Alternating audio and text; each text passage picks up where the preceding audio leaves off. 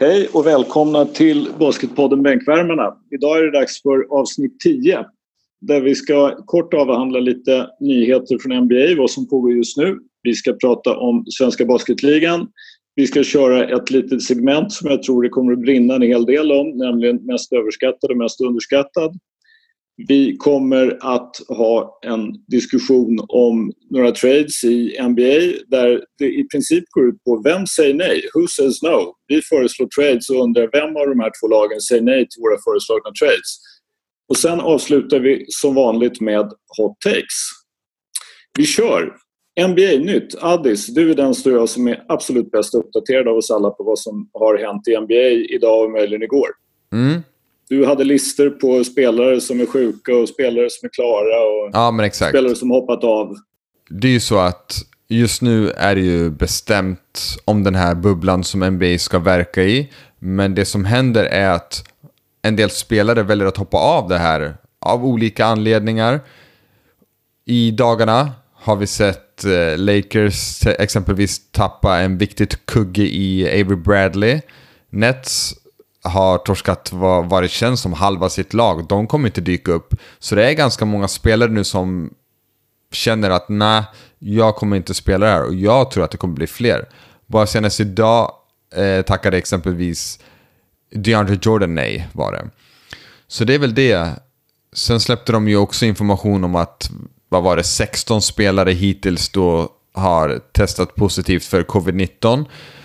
I lite I olika här- lag. Ja, men exakt. I olika lag. Något lag, Sacramento tror jag, är ganska hårt drabbade med fyra spelare drabbade. Så att det är ju fortfarande, även om det är bestämt om den här bubblan då, att det ska dra igång, vi har datum, vi har schema, så är det ju fortfarande ganska många frågetecken skulle jag säga. Tror jag kring att dra igång där. Men eh, jag vet inte, vi får väl bara vänta och se vad det är som kommer att hända. Men det är nog i alla fall inte givet skulle jag tro att det här blir av som planerat. Jag såg idag att Denver fick stänga ner sin, sin träningsanläggning för att tror det var två stycken då i deras 35 man stora liksom trupp totalt då, som skulle åka till Orlando har eh, testat positiva och det är inte Djokic då utan för Djokic är honom har de så att säga redan räknat in utan det var två nya. Det framgick inte några spelare eller, eller då coachingstaben eller analytiker eller sjukgymnaster eller vad det var men två nya så de har stängt eh, sin träningsanläggning. Jag tycker det är en, alltså, Avery Bradley är den som så att säga påverkar någonting än så länge. Alltså rent krasst som har hoppat av. Som någonstans är så här, det här är viktigt. Att Nets som ligger på en sjunde plats hoppar av, att Bertans i Washington hoppar av. Att liksom Sacramento har några som kanske försvinner och Arisa från Portland. Det är ju ingenting som påverkar någonting egentligen i det stora hela som kommer påverka slutet. Det som är- Inte... Ja. Ja. Nej, men eh, inte en enda relevant spelare förutom Avery Bradley, precis som du Nej. sa.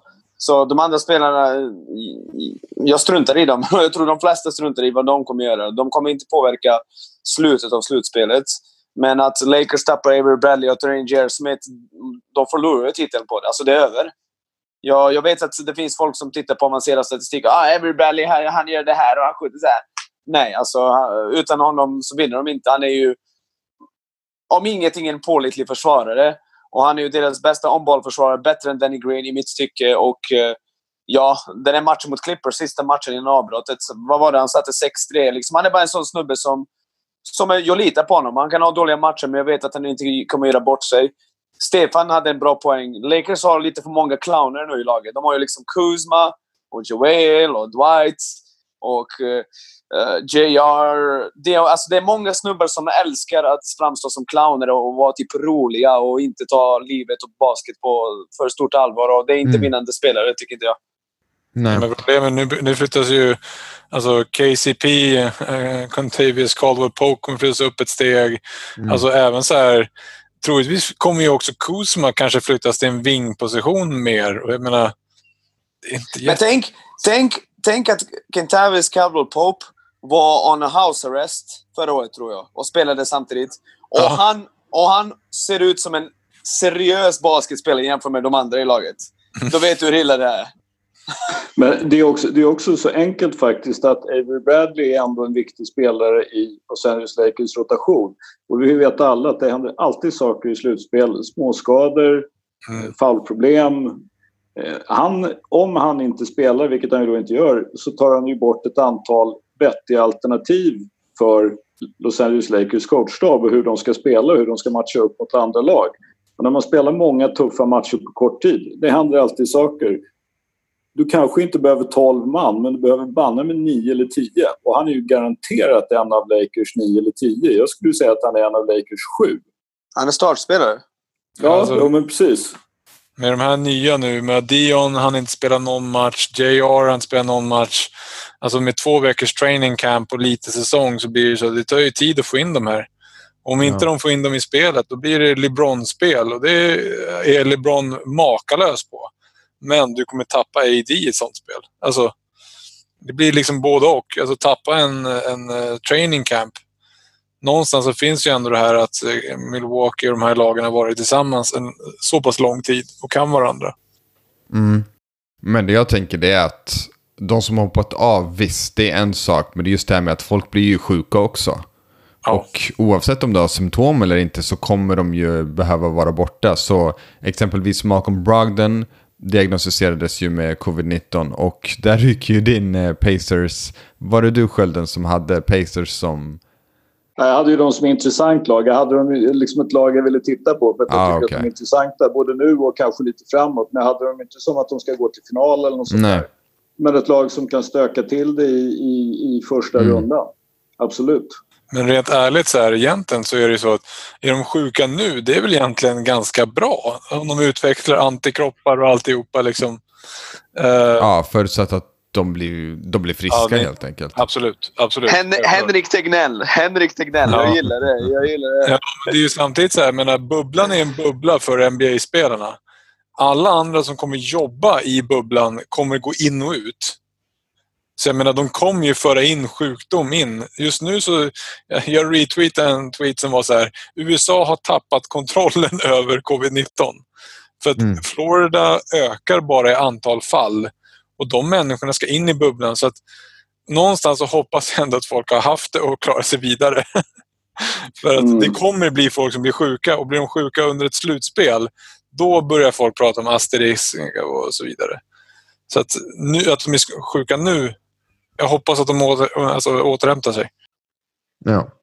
Jag ser, jag ser många spelare som blir sjuka. Jag ser många spelare som blir hoppar av, som, som hoppar av. Jag undrar om Jonas Repko har ett öppet kontrakt. För någonstans måste de fylla på de här eh, lagen på något sätt. Så det är faktiskt mm. en tanke som slog mig nyligen. Uh, plus Jeffrey Taylor. Tydligen ville Real Madrid uh, gå skilda vägar att de gav honom treårskontrakt förra året. Det var jättekonstigt. Jag fattar ingenting. Han är ju liksom deras... Han har blivit något av en kultledare. Han har spelat där redan i fem år och det är inte, många, det är inte ofta Alltså Euroleague, folk stannar i en och samma klubb i fem år. Så ja, det är en lite konstig situation. Men uh, ja, jag hade velat se dem spela i NBA en gång till, även, fast, uh, om, det är, även, även om det är en bubbla. Mm. Det är inte en dum tanke. Där tror jag till och med Jeff Taylor kanske har ännu större chans på grund av positionen han spelar. Absolut, ja. Vingar är ju ganska svårt att hitta. 3D. Ja, men exakt. Ju, han, ja. ja. Bra poäng. Jag, är, jag tillhör ju de som är chockade över att Taylor inte, att ingen har velat ha Taylor just med tanke på att han faktiskt är mer än duglig att spela försvar och han kan borra i en och annan trea. Liksom. Ja, men, men ja. folk men vet ju vad... Alla som kan lite om NBA har sagt en och samma sak angående den situationen och det är ju att han har fått det där stämplet efter eh, incidenten slash våldsbrottet 2013 eller när det var.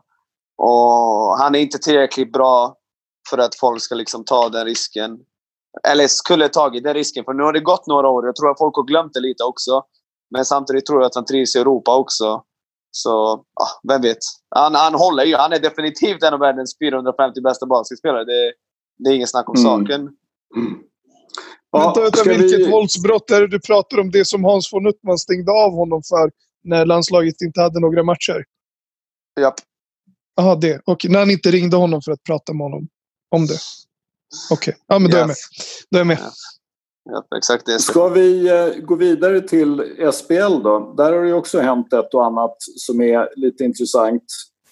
Inte minst då att eh, Vätterbygden hoppar av, Fryshuset kliver upp och det innebär ju då att vi åtminstone har nio lag i Svenska Basketligan. Här, du har ju lite synpunkter även på ett par andra lag, Nick. Jämtland Nej, och alltså- Södertälje. Ja, jag har ett meddelande till Södertälje. Vi vet att ni kan vinna titlar på här sidan. Det vet vi. Ni har kört över svensk basket. Grattis! Jättebra. Det uppskattas. Jag tror att det är få personer som har försvarat Södertälje och det de har stått för de senaste åren, mer än jag. På min blogg eller på min Twitter, whatever. Men samtidigt känner jag att nu har de kommit till en punkt där de måste börja tänka lite mer resonligt. De säger... Först sa de i, i vintras när AstraZeneca hoppade av som sponsor. De bara Åh, vi har inga pengar. Oh, vad är det som händer? Gud. Och så håller de på att signa spelare ändå. De tar in Devonta Freeman, de får, de får ta in Simons Butelevicius, de tar in Anton Gaddefors. Man blir bara, vad gör ni? ni? Ni sa ju att ni inte har några pengar alls. Sen efter det avbryts säsongen och då är det exakt samma sak. De säger att det är mångmiljonbelopp som de har blivit av med.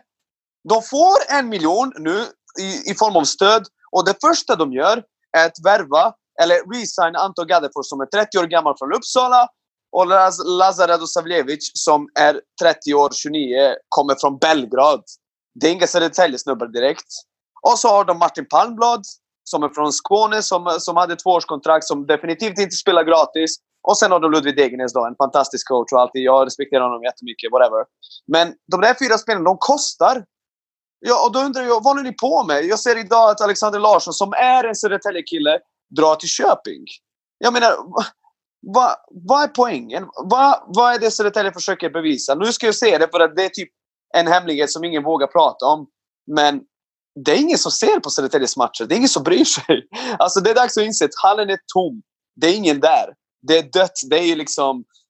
De säger ju att det är 500 pers per match, men fan alltså, jag är inte så säker. Syn på den alltså. Det är väldigt, väldigt, väldigt tomt på läktarna. Och de håller på... Jag tänker exempelvis förra året. De spelar Europaspel. De går vidare från kvalfasen, spelar sex matcher i gruppspelet. Jag undrar varför? Alltså varför spelar... Ni kan inte... Vem är det förra året i Södertälje som... De, alltså om, om, de, om, ni, om de säger så här. Ja, vi spelar Europaspelare för att svenska spelare ska utvecklas.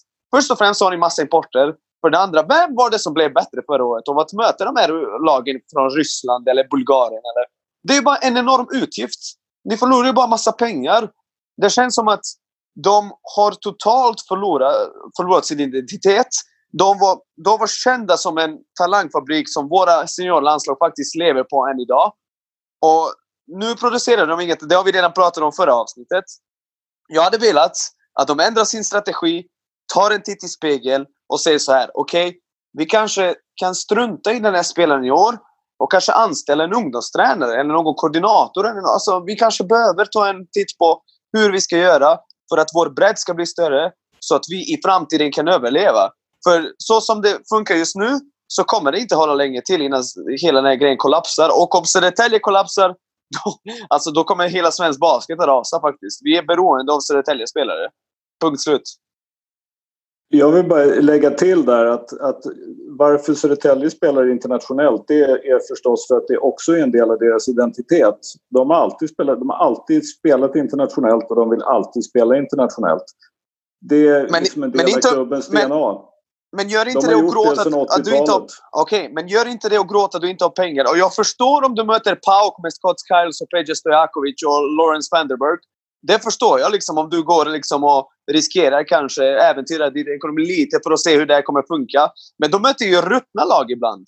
Alltså, jag känner inte att någon ung svensk spelare tog jättekliv förra året för att de möter liksom, jag vet inte vad det var för lag. Det var, ju no, det var ett riktigt bra lag från Ryssland och så vidare. Men snälla någon, tänk på er framtid.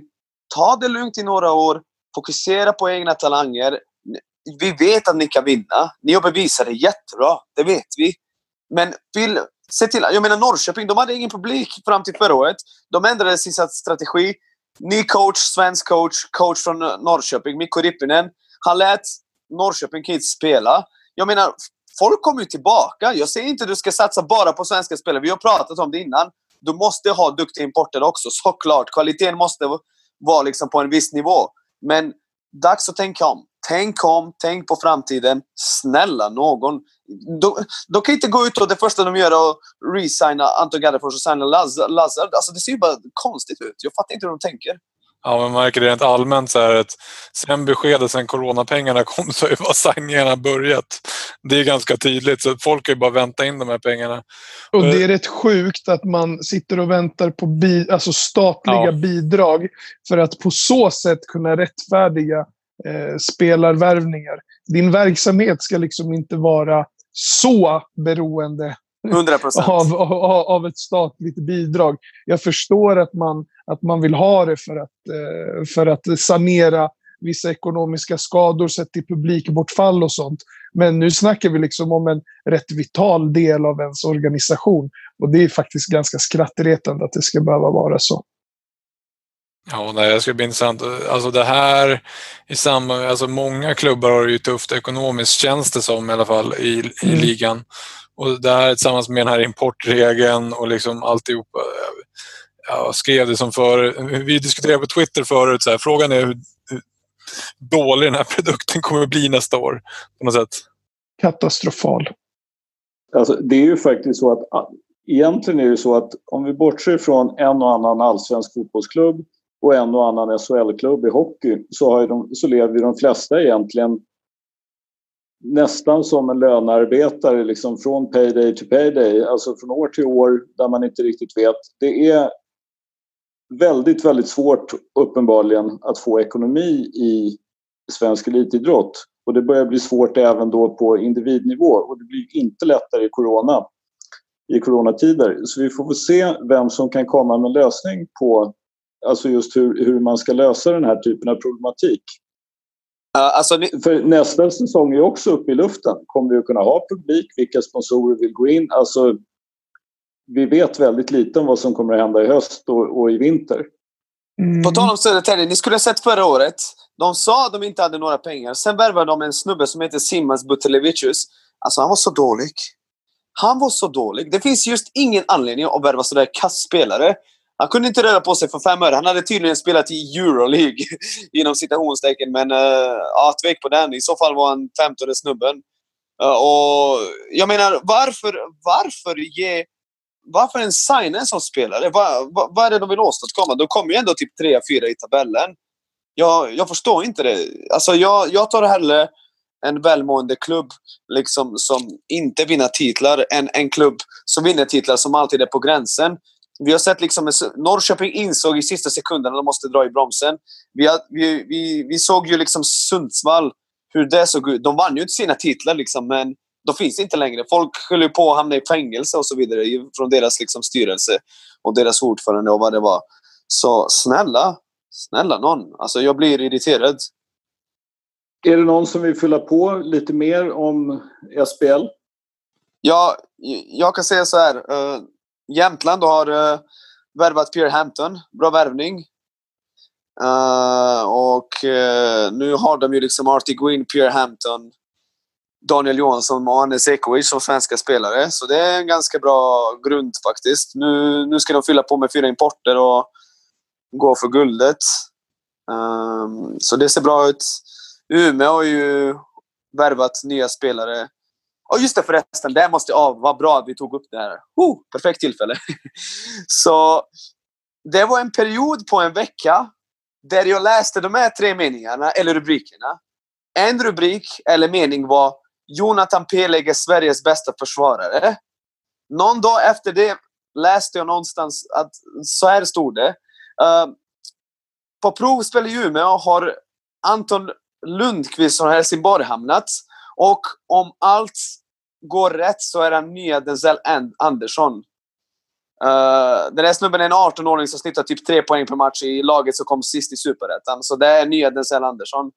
Och sen läste, och sen läste jag det sista.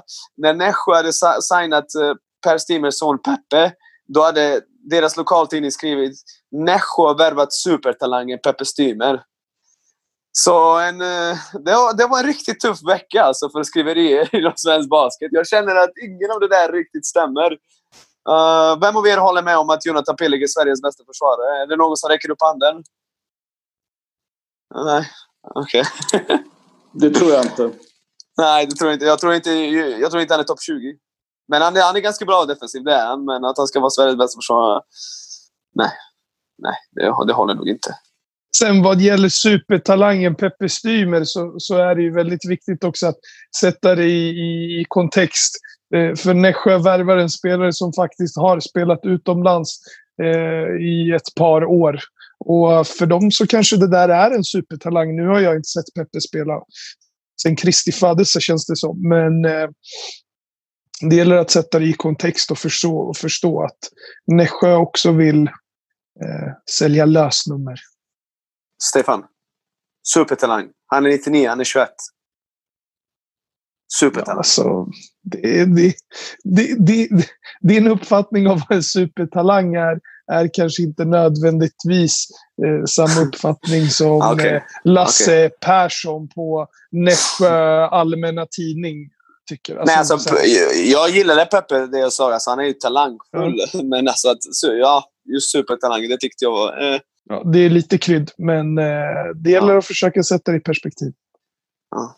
Vi kommer väl att fortsätta lite grann med Svenska Basketligan ändå. Eh, jag tror att vi kommer att få anledning att återkomma till det här med Vätterbygden och Fryshuset som man väl kan säga byter plats med varandra i, eh, i basketligan respektive superettan. Vi återkommer till det när vi har fått lite bättre koll. Men nu skulle vi då köra ett litet segment med mest överskattad och mest underskattad i svensk basket. Vissa av oss har förberett sig lite mer och lite mer intensivt och andra har gjort förmodligen en mer 50% insats. Vi kanske inte var 100 eniga om vad vi skulle göra här idag.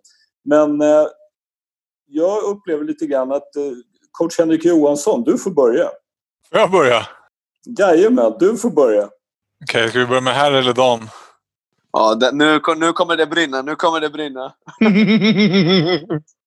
Okej, okay, jag tar här. Jag börjar med här då. Och jag ska sätta det i, i lite i alla fall, lite annat skimmer. Uh, jag hade en diskussion med Nick också tidigare i veckan. Att man, så här, när man tittar på dam och herrlandslag så, så finns det ändå två olika känslor känns som. Uh, damerna, när jag tittar på dem så tycker jag ändå att ah, men de är duktiga.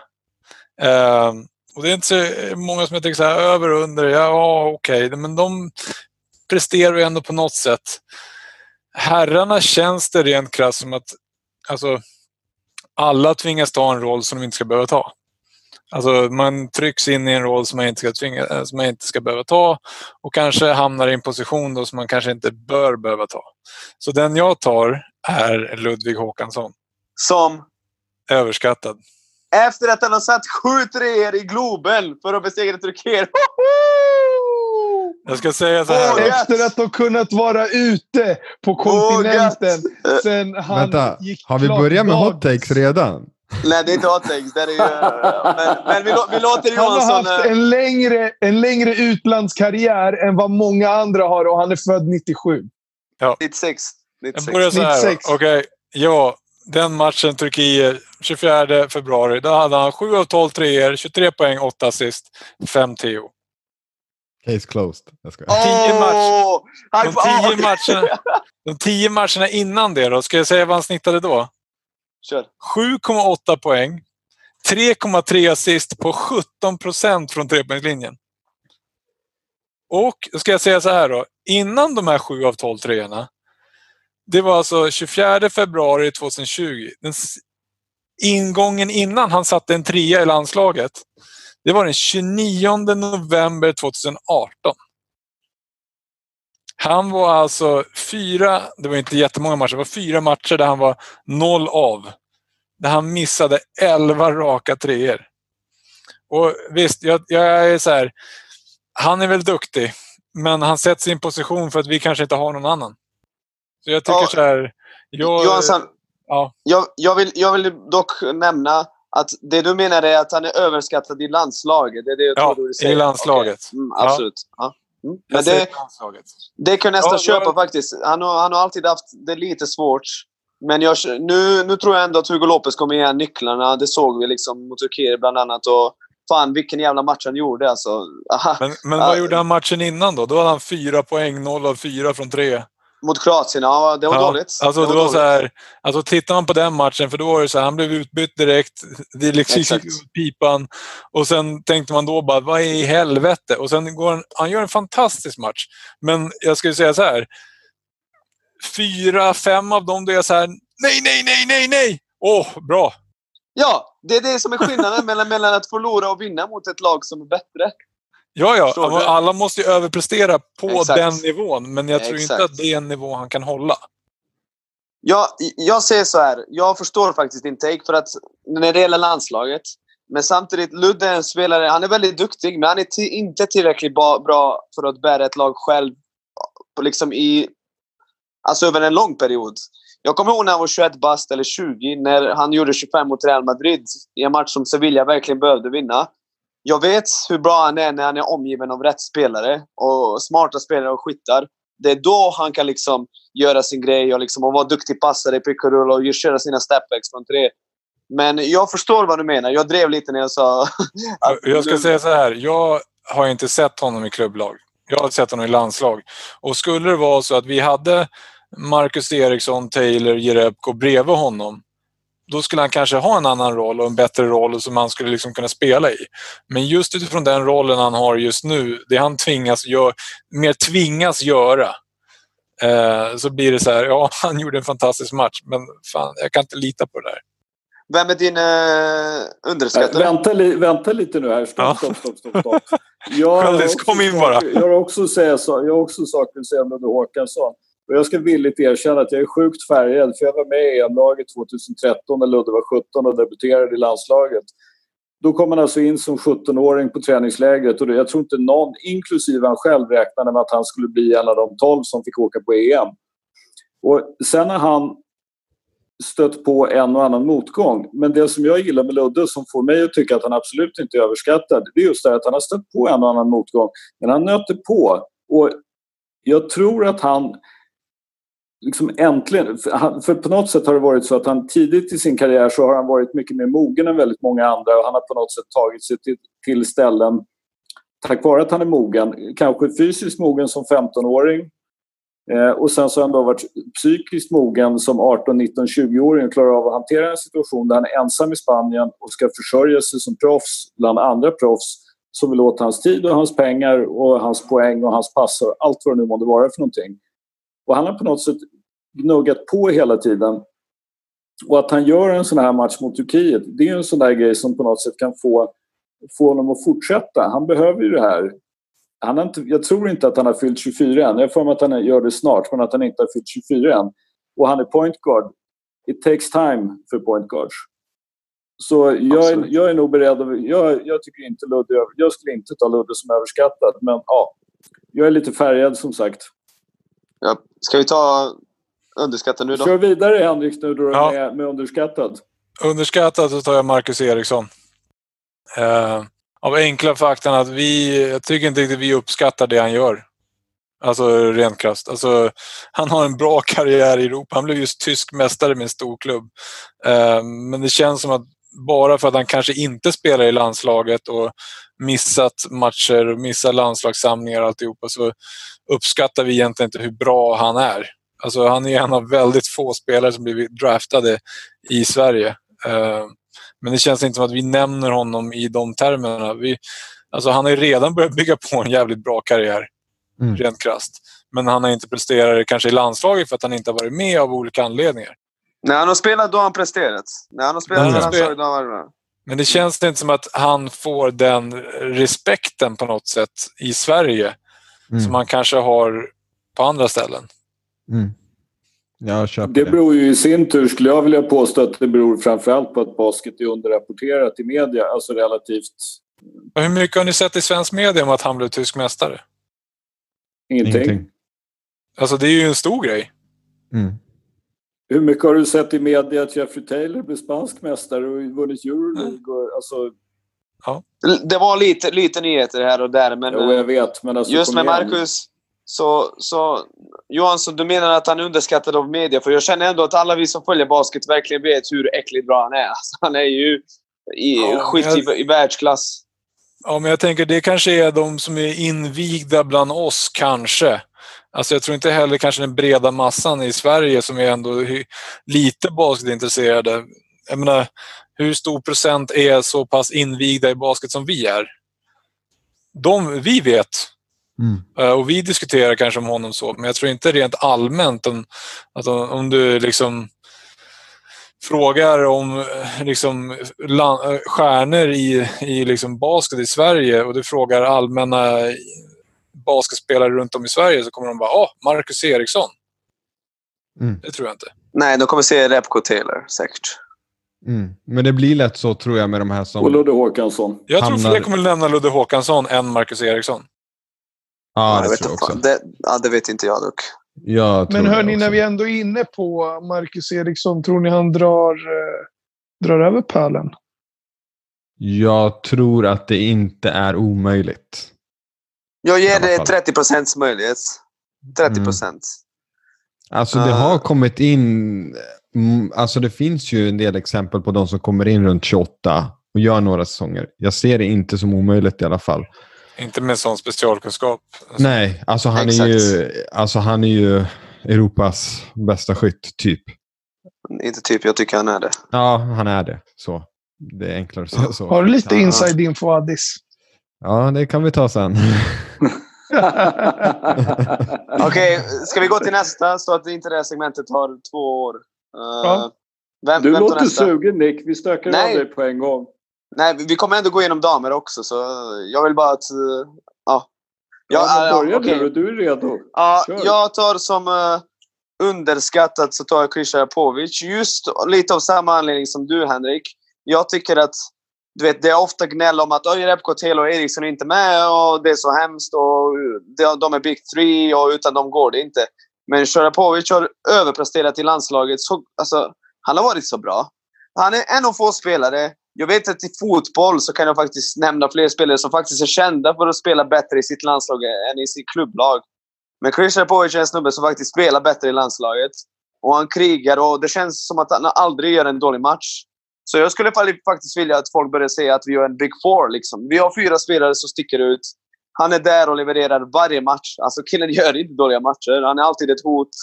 Han är alltid hyfsat högprocentig och riktigt bra poänggörare. Han har, han har utvecklats något så otroligt. Jag menar, han gjorde sin första landskamp när han var 25, tror jag.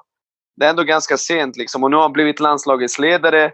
Så jag tycker faktiskt att trots att de flesta förstår hur viktig han är för Sverige så är han lite underskattad. Jag tycker att han är ja, ja, fantastisk, helt enkelt. Fenomenal scorer.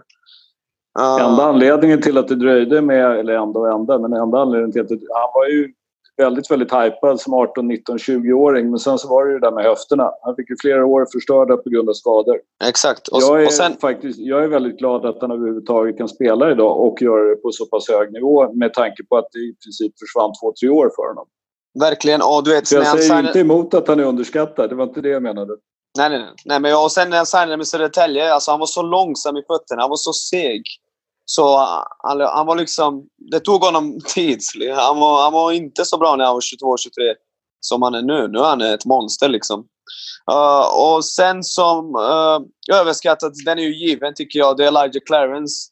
Vi pratade innan vi började spela in liksom, Elijah Clarence, men visst är han ung, han har massa år framför sig, men han är ju 22. Och jag känner att folk tror att han kommer bli något alldeles speciellt. Och jag tror att det tåget har gått och att han är extremt överskattad på grund av sin atletiska förmåga. Det där är inte en finslipad basketspelare. Uh, absolut inte. Sen är han en fenomenal atlet och någon som faktiskt jobbar på sin game stenhårt. Jag känner bara att han inte jobbar på rätt saker och att uh, det är synd. Det är synd för att han är en väldigt, väldigt unik talang när det gäller atletiska förmågor. Och, så, och framförallt så har han den där viljan att bli bättre. Han är ju liksom en träningsnarkoman. Men eh, det har inte klickat. Och ni vet ju själva, jag lovar er att alla ni någon gång, även ni var yngre, har ni spelat med den snubben som var så talangfull, men något klickar inte. Alltså, det blir inte bra produktion på planen av, av en eller två anledningar. Så det var jag. Jag måste säga att jag, jag är lite, återigen lite eh, på, på Elijah. Jag, jag tycker juryn är kraftigt ute på Elijah just för att han har Alltså, han är bara 22. Han, är på, han har på något sätt, fast det kanske egentligen inte är hans naturliga position, så har han egentligen alltid spelat point guard. Är, folk kanske tycker att han är lite, lite liten för att spela vinge, för att spela tvåa. Eh, jag tror att hamnar han i en bra situation och får rätt coach och just får det här att klicka så tror jag att det kan, liksom, kommer han till NBA är, om, om det är det man liksom har räknat med och därför tycker att han är överskattad för att han inte kommer till NBA, ja men då, då är det en sak. Men jag tror fortfarande att han kan ha en alldeles utmärkt karriär framför sig om han hamnar i rätt situation och får, och får det här liksom att klicka och förstå vad kan jag göra, vad kan jag inte göra. Okay. Och, ja. och har en coach som, som eh, leder honom rätt. Absolut. Ja, jag förstår. Jag förstår. Vem, eh, vem var nästa? Stefan?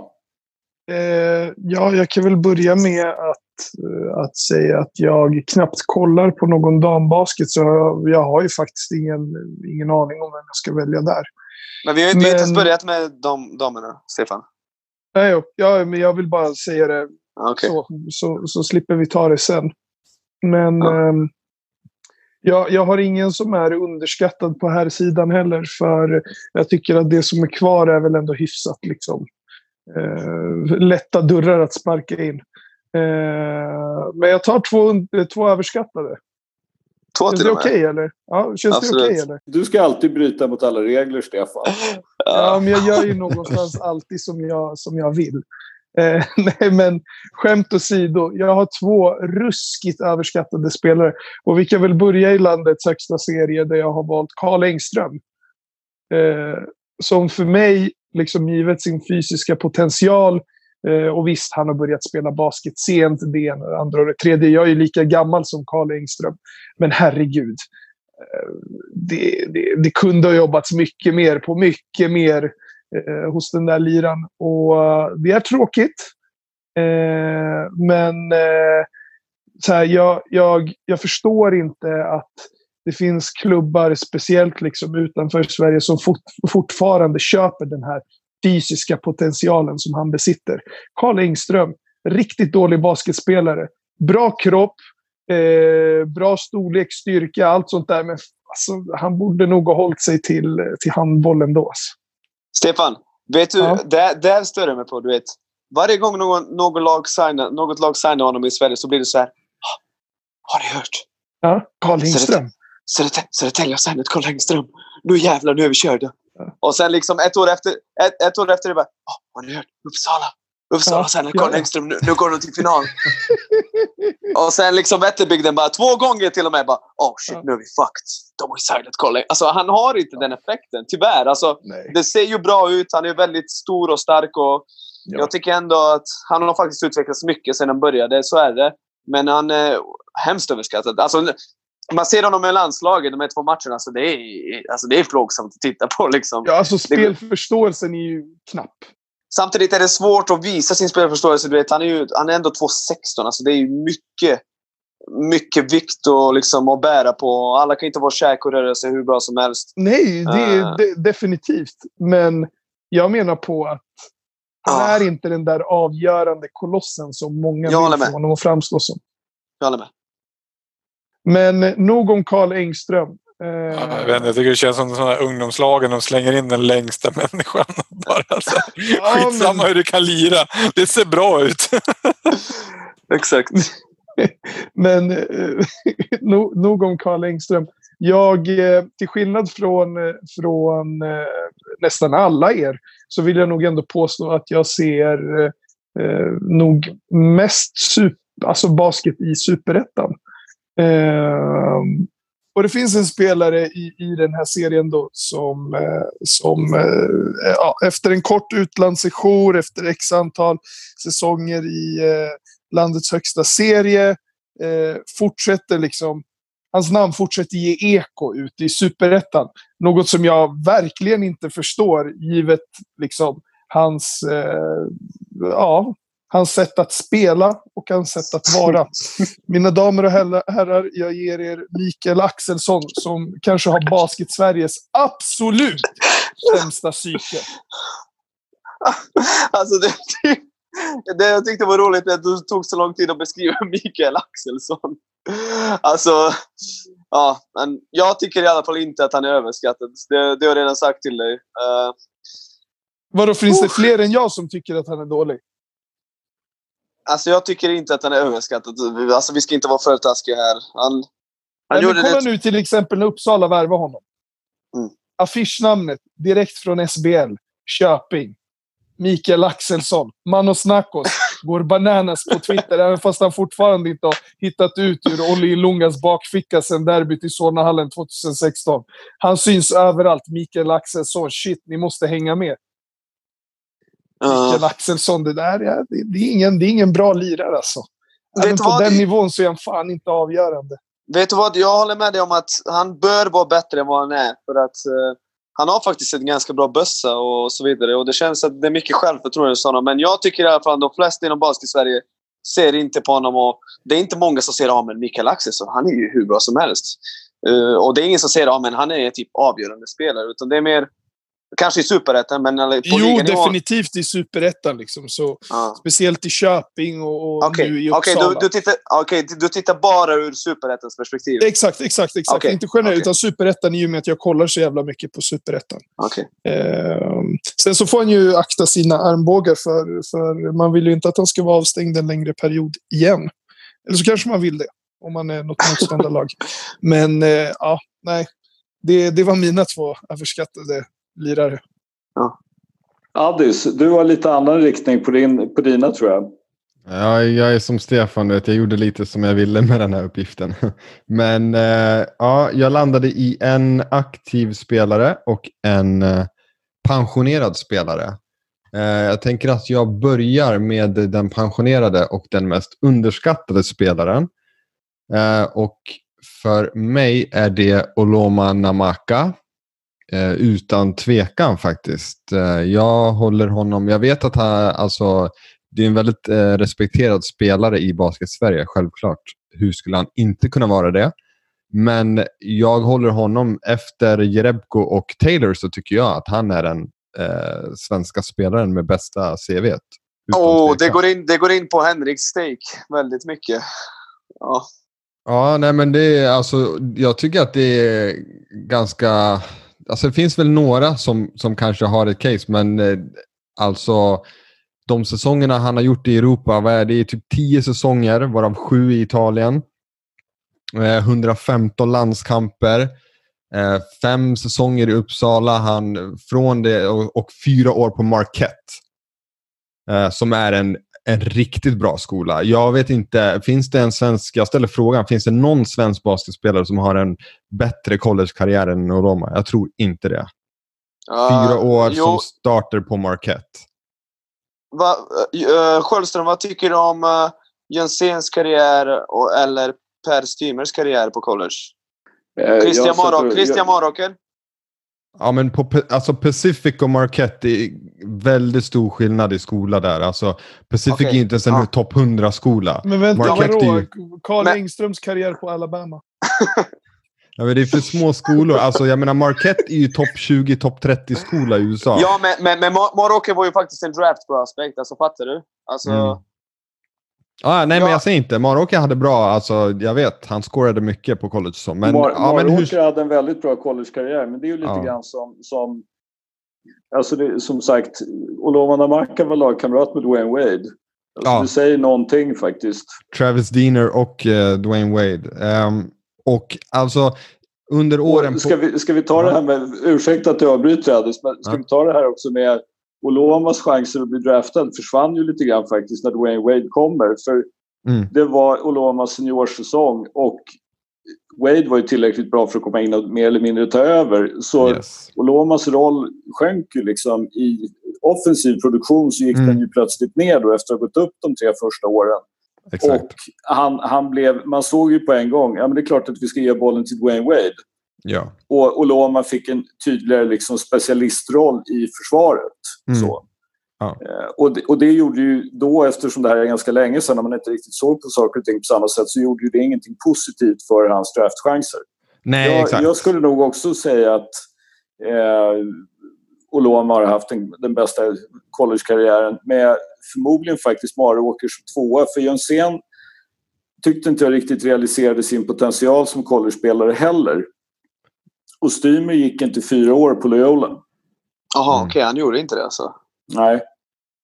Och sen var ju, Stymer drabbades ju av det här. Det var ju, Stymer drabbades ju av att eh, Hank Gathers dog på planen. Och Hank Gathers var ju en sån här superstjärna. Och Han är ju alltså fortfarande naturligtvis ihågkommen i USA just för att han var en superstjärna och spelade för Loyola som ju var ett lag som ju gjorde typ 120 poäng per match och verkligen, alltså det var ju seven seconds or less innan Exakt. seven seconds or less fanns. Så, så det, Stymers collegekarriär, jag, jag minns det i alla fall som att Stymer inte gick där fyra år faktiskt och att han, Mm. det blev så påverkat av, eh, av att Hank Adler stod. Det är ju liksom fruktansvärd händelse så det är svårt att svårt att ens ta in och, och jag vet att liksom, det var ju inte något roligt för Loyola, det var inte roligt för Per och det, ja, Men eh, det, det sista jag ska säga då bara är just det här med att Alltså varför han också är så, varför jag anser att han är underskattad är också att alltså det han är bäst på är ju egentligen det som alltid är det underskattade, alltså defense och så vidare. De, de kvaliteterna. Alltså jag, samma, jag kollade, grävde lite i liksom de assignments som han har haft under åren. Alltså det är ju, alltså han, han spelar alltid försvar på de bästa perimeterspelarna alltså, i sina lag. Definitivt. Eh, Alltifrån liksom Kirilenko, Stojakovic i landslaget, eh, Kleisa när de mötte Litauen eh, och liksom spelade på Kenyon Martin i college. Um, och Kenyon Martin var ju top prospect. Han gick ju etta i draften. Så.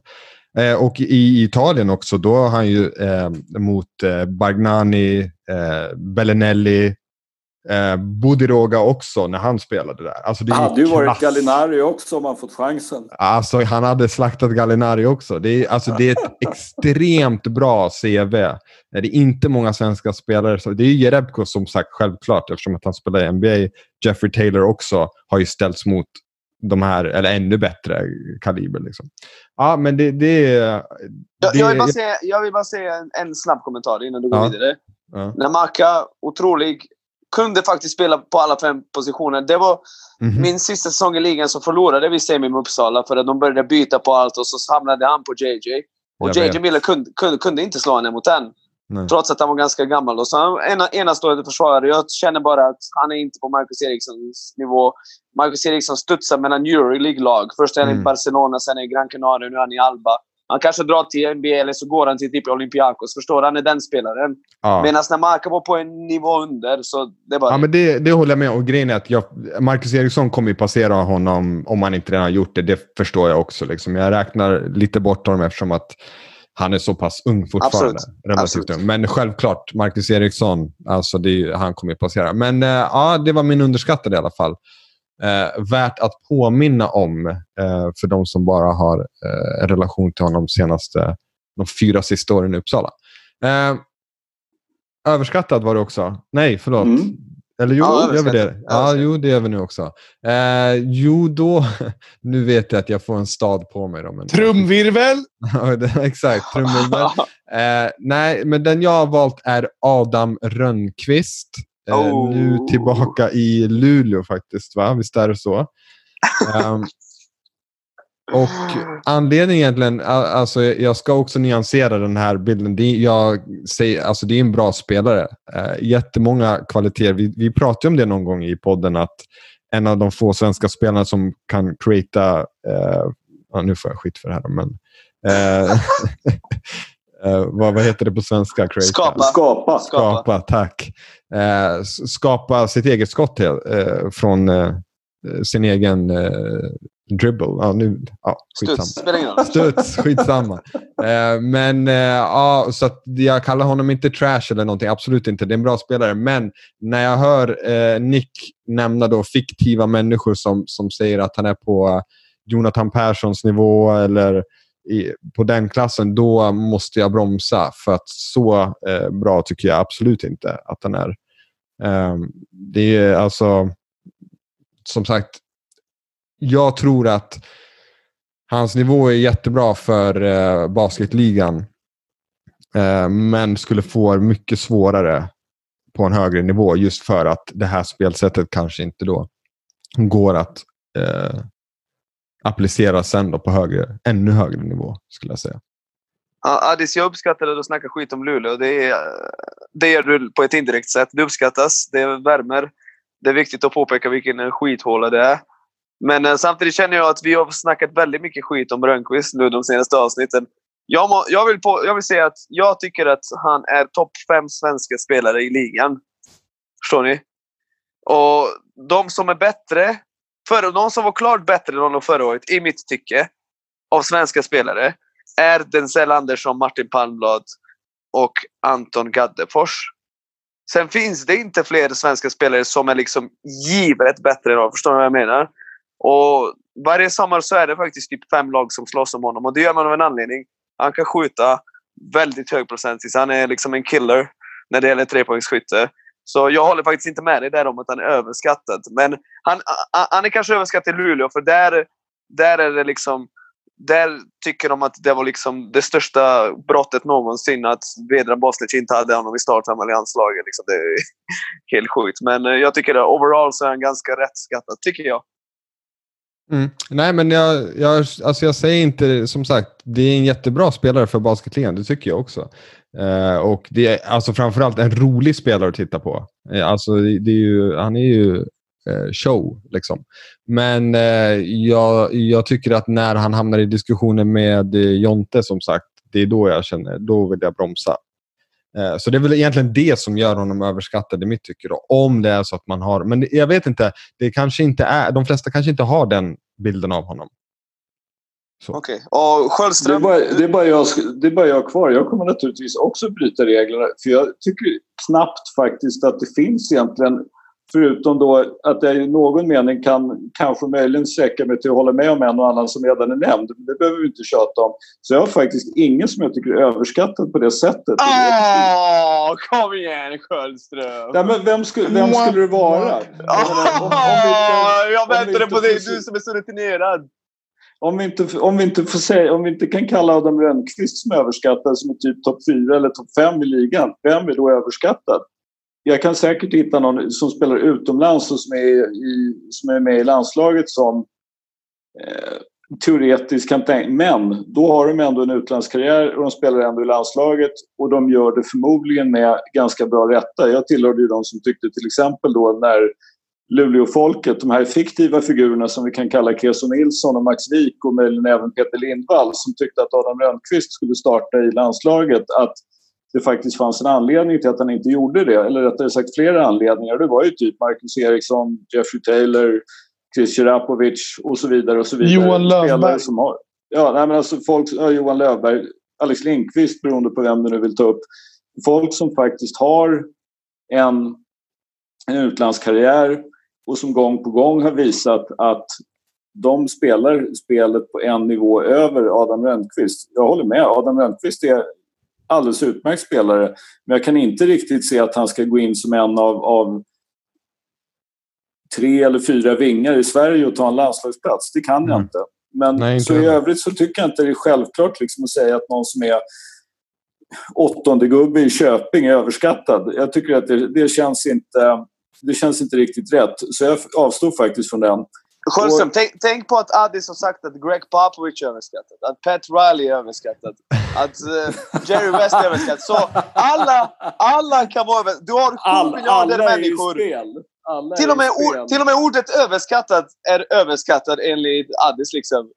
Men då så, då, då, då, behöver inte jag göra det. Däremot så kommer jag att ta upp, eftersom han då, han är dessutom fortfarande, i alla fall i teorin, aktiv. Så han räknas då, min absolut mest underskattade är förstås Thomas Mosamba.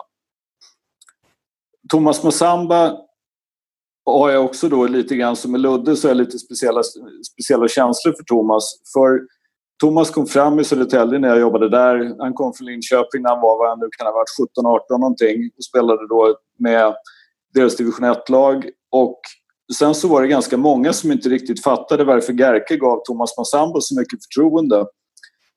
Eh, men Södertälje vinner aldrig SM-guld 2004-2005 med Gerke som coach utan att Gerke ger Thomas Massambo det här förtroendet som... Jag kommer inte ihåg om han hade fyllt 20 då när finalen spelades men han är född 84 eller 85 eller 85. Han, 85, Precis, jag han- kommer ihåg han att han fyllde- var 21 när han var aktuell för typ Valencia eller något sånt där. Ja.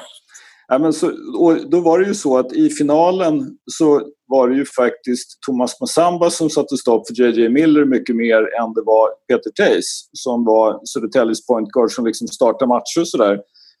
Men Södertälje kunde ju spela både Tays och Massamba tillsammans. Och Göransson. Tays var Göransson. rutinerad och smart. Jo, ja, men de hade Göransson, de hade Johan Jansson. Exakt. Alltså de hade Ja. ett jättebrett lag. Men Thomas Massamba spelade 20-25 minuter och när han spelade så spelade han på JJ Miller. Södertälje låg under med 2-0 i den finalen och vann med 4-2 till sist. Men sen fortsatte ju det här. Thomas Massamba är en vinnande spelare. Han var i SM-final med Solna. Han var i SM-final med 08. Hans klubblag utomlands har gått till final eller vunnit liksom år ut och år in.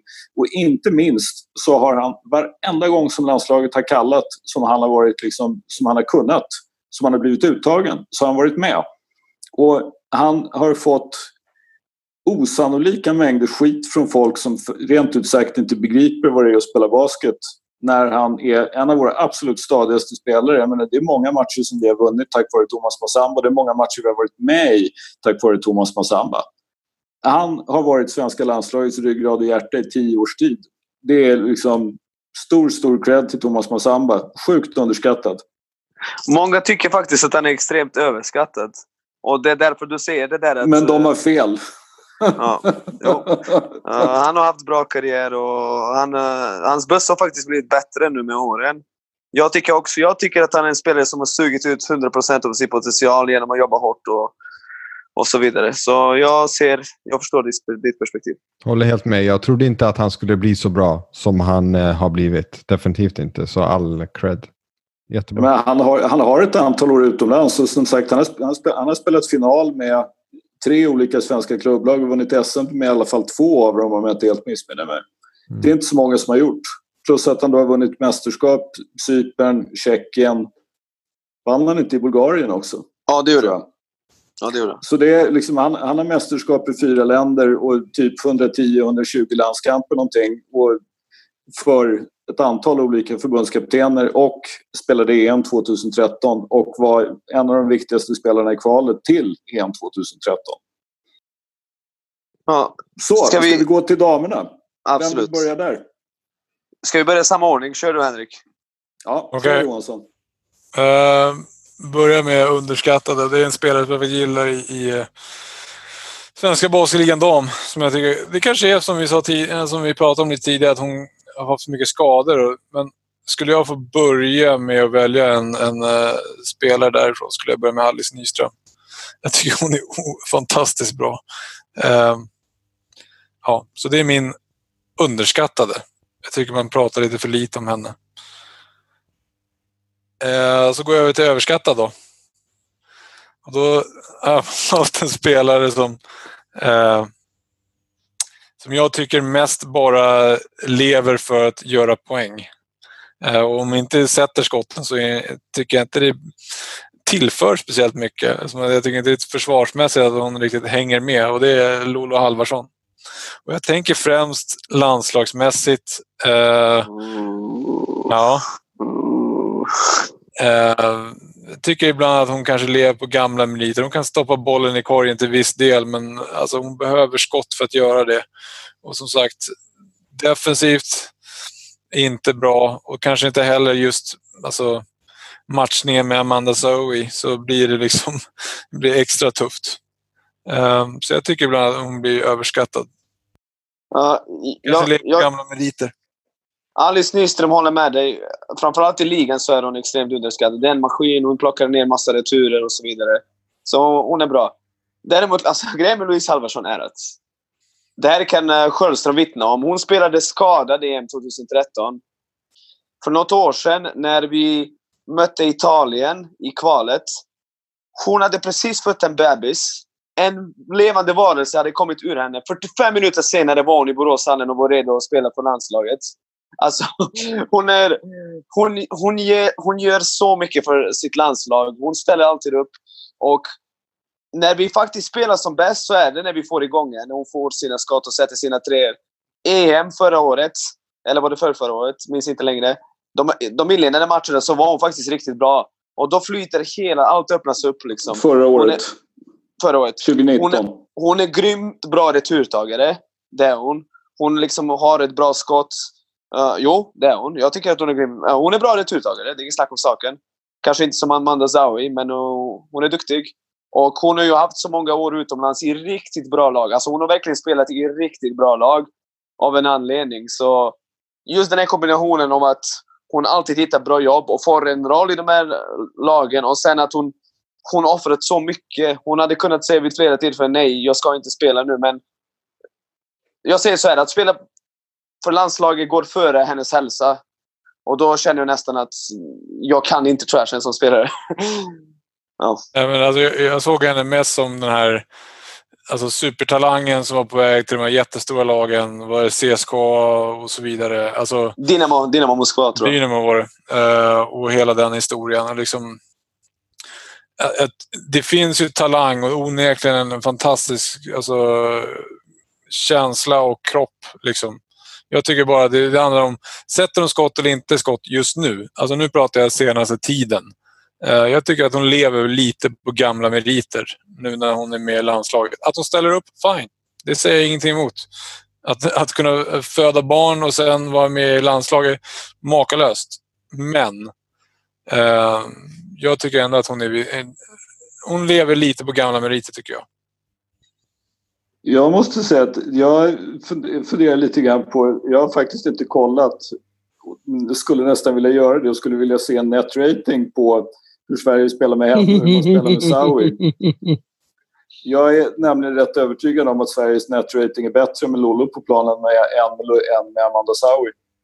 I de här, Skulle i de här du matcherna. säga att Amanda är lite överskattad?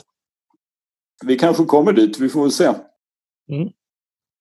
Uh, Okej, okay, jag tar nästa. Som... Var vi klara där Johansson? Eller vill ja, du vi är klara. Din... Vi är klara. Ja, kör Nick. Uh, som underskattad. Alltså okej, okay, jag tar överskattad först. Jag tycker att Sveriges uh, mest överskattade spelare är Ellen Åström. Uh, jag märker att nu har, nu har hon signat för Alvik och nu märker jag att det är många basketspelare som säger aha, okej, okay, nu vinner Alvik SM-guld, nu är det kört. Och då känner jag, va? va? Nej. Jag tycker faktiskt att, jag tycker inte alls att hon är en uppgradering jämfört med Tova Sabel som spelade för Alvik förra året och nu har gått vidare till college. Ellen Åström, jag tycker att 2016 var hon exakt lika bra som hon är idag. Hon har aldrig riktigt, riktigt fixat sitt skott. Så, hon har, så jag tycker bara inte att hon är en eh, plusspelare som är tungan på vågen när det gäller racet till SM-guld. Och hon har fått det riktigt om att hon håller väldigt hög nivå. Det är faktiskt flera personer som jag pratat med inför den här podden. Där jag har sagt vem känner du överskattad? Och det är faktiskt många som säger Ellen Åström.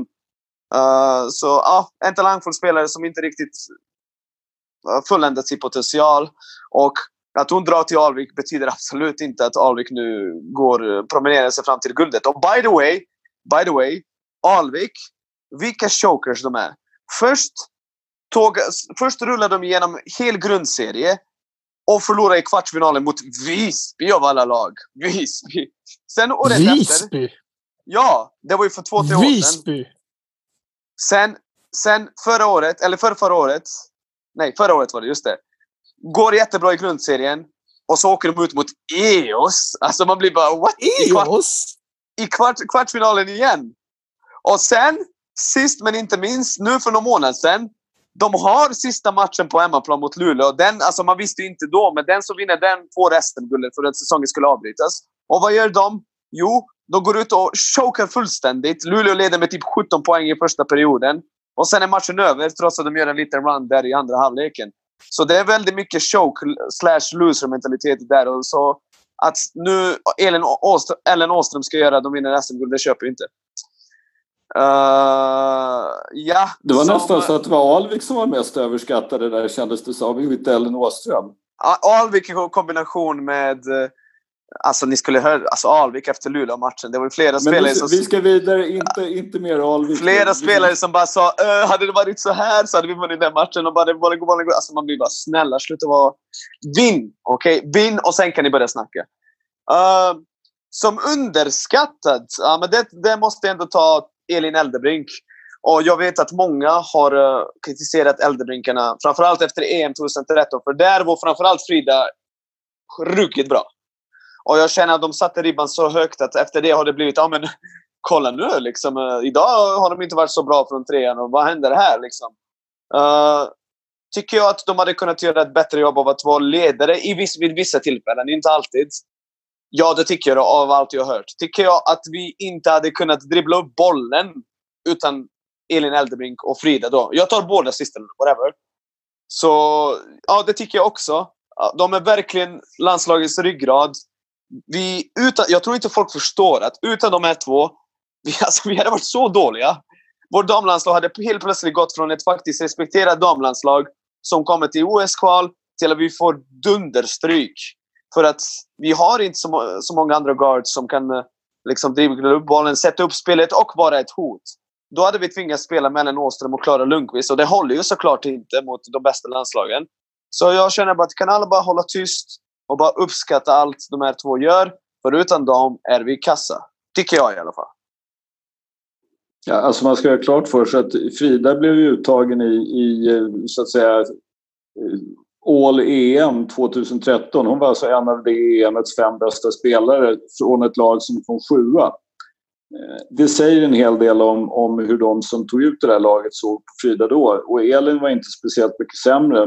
Det var ju faktiskt så att fram till den här episoden jag berättade om så käkade ju Elin Cylindermärk. Sen tyvärr då, så var det Cylindermärk som tog den största och sista tuggan i den matchen. Men eh, att, att kunna spela i princip remis med Cylindermärk i en EM-kvartsfinal i Frankrike, det säger en hel del om Elin Eldebrink, tycker jag.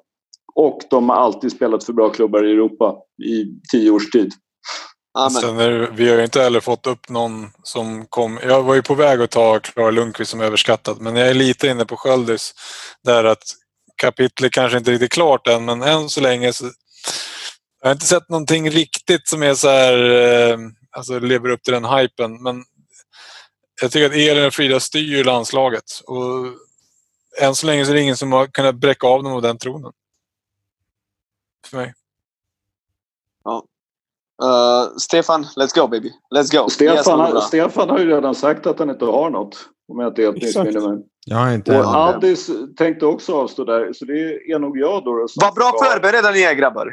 Vad bra. Mm. Nej, men jag kollar ju på alldeles för lite, lite dambasket för att ens ha, ha koll på vem som är överskattad och vem som är underskattad. Ja. Samma här, kolla bara jag kan, Som Stefan försökte antyda förut när vi pratade om Lolo Halvarsson så återigen då, låt oss nu nyansera det här och konstatera att Amanda Saui spelar i WNBA och i Kina och i bra turkiska europeiska lag av en anledning. Amanda Saui är en fantastisk basketspelare.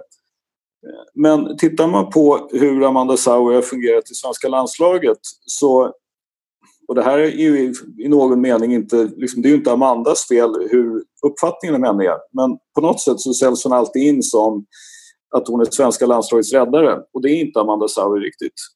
En bomb! Boom! Amanda Saui är en väldigt, väldigt bra och väldigt, väldigt kompetent basketspelare och är förmodligen inte färdig. Men i landslaget har hon faktiskt, inte, tycker jag i alla fall, inte riktigt hittat rätt. Och där då det som jag sa till Henrik förut är att ofta så ser det faktiskt bättre ut i vårt försvar när vi har Olof Halvarsson på plan än när vi har Amanda Saui. Och det är ett stort problem. Jag hoppas att Amanda... Jag tycker att hon har utvecklat sitt försvar jämfört med för ett par, tre år sedan och jag tror att hon kommer fortsätta göra det. Jag tror inte att Amanda Saui är färdig.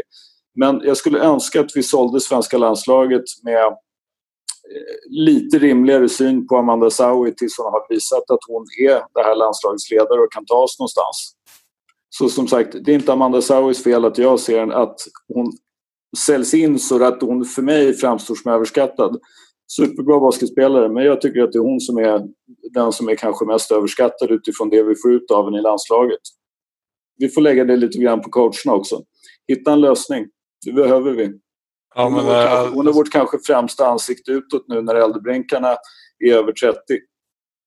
Ja, men det är lite av den här frustrationen jag Jag såg mest under Gomes och det var så jävla frustrerande att se. Jag tycker på någonstans att Sverige behöver kanske gå lite mindre. Just nu har man ju valt att gå med två stora oftast hela tiden med, med antingen Lollo och Amanda eller Amanda och Reagan och så vidare. Och fan, vi blir ju stekta av det, tycker jag.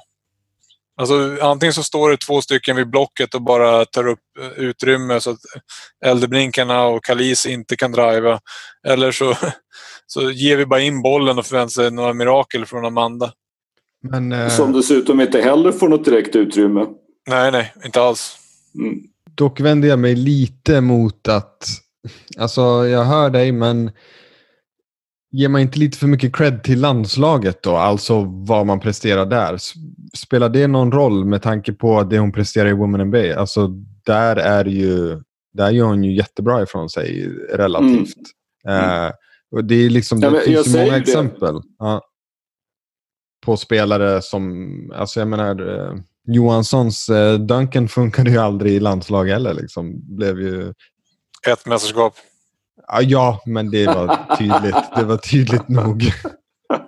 You had to go. Alltså, det, var, ja, det var ju största fiaskot um, ja, de har gjort. Ja, ja. Nej, men jag menar bara att uh, hennes eh, WNBA-karriär är ju...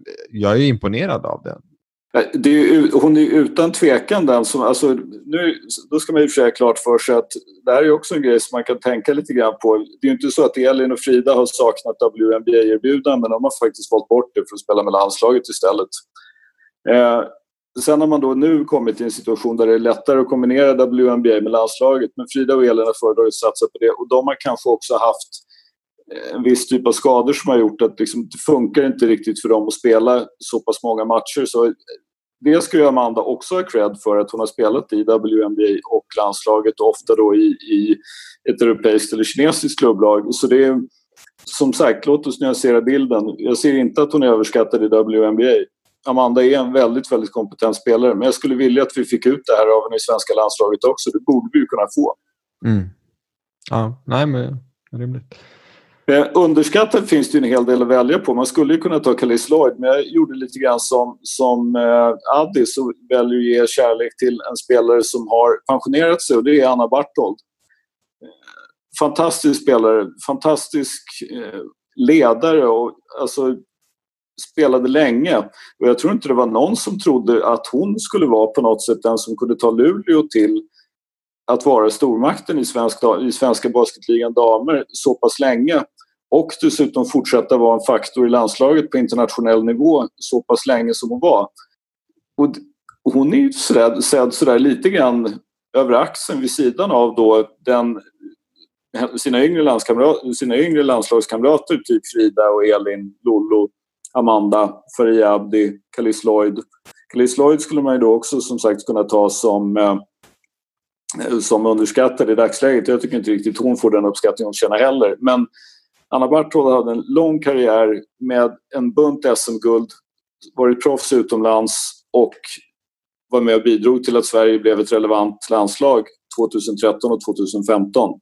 Fantastisk spelare, förtjänar mer cred. Eh, uh, Sköldström, ja, alltså, allt hon har gjort uh, eh, eh, är väldigt imponerande och hon kommer bli ihågkommen. Men jag säger bara det till dig. Hennes två sista år i Luleå, not good varken från uh, ledarskap som, le som ledare eller produktion. Och uh, ja, det är många broar som brändes där sista två åren kan jag säga dig. Uh, men det kan vi kanske ta någon annan gång. Det kan vi kanske ta någon annan gång. Du får inte döda ja. min take nu. Ja. Nej, hon är ju precis som du sa 2013. Hon fick inte spela första matchen mot Italien om jag minns rätt. Mm. Sen mm. andra matchen kommer hon in och typ sätter alla baseline jumpers och bara gör Anna Bartol-grejer. Hon, hon var viktig. Det, det säger jag absolut ingenting emot. Ja, och hon var ju också sådär, alltså det var ju som sagt när man var där och liksom var med lite grann runt laget och började, fick se matcher match efter match liksom, och se mycket och se vad som hände på träningar och lite sådär. Så, ja, eh, hon gjorde en helt fantastisk turnering 2013 och sen då som sagt så spelade de för Luleå. Vad som hände de två sista säsongerna det kan vi ta någon annan gång men Luleå blev en, en, en maktfaktor de vann ett par guld som de trodde de skulle, de skulle kunna vinna och det berodde till stor del på Anna Bartold. Absolut.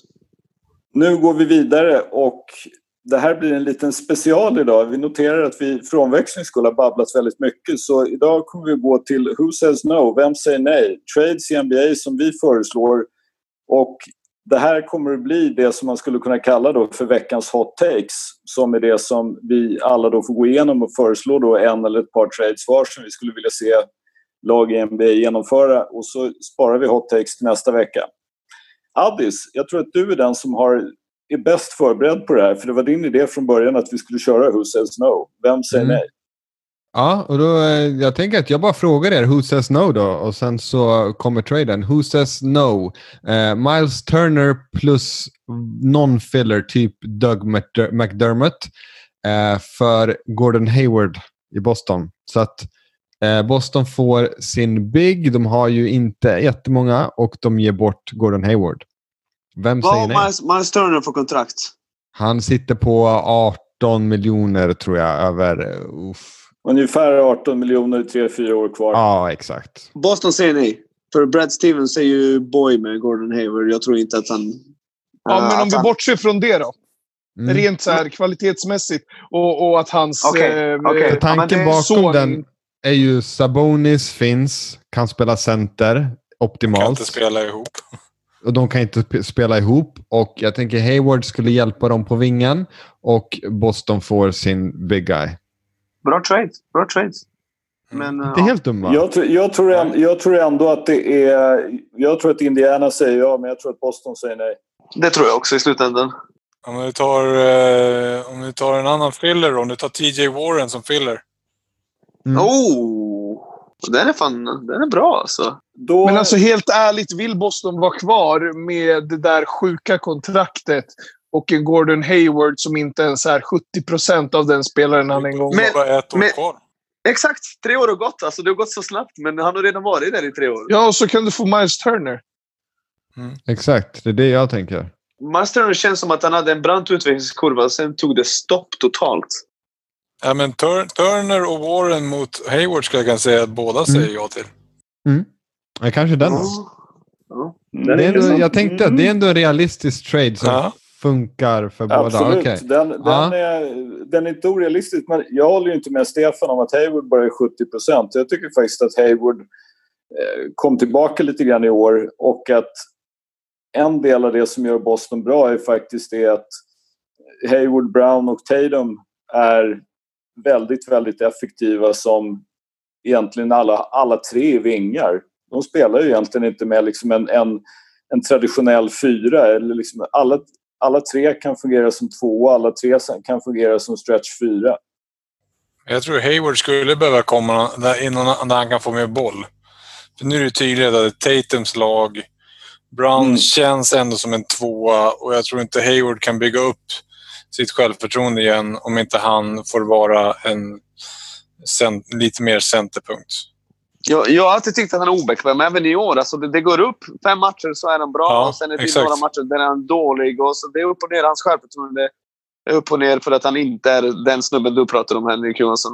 Ledande snubben. Så. Exakt. Mm, ja, och det, jag tänker ju också, Hayward är ju från Indiana också. Både född och spelade college där. Så Mm. att det är en Big. White Hope. Ja, men jag tänker, de vill ju, alltså, ja, jag vill inte säga vad den som sa det, men ja. Ja, men tänk att ha Bro- Brogdon, Hayward och Sabonis. Ja, exakt.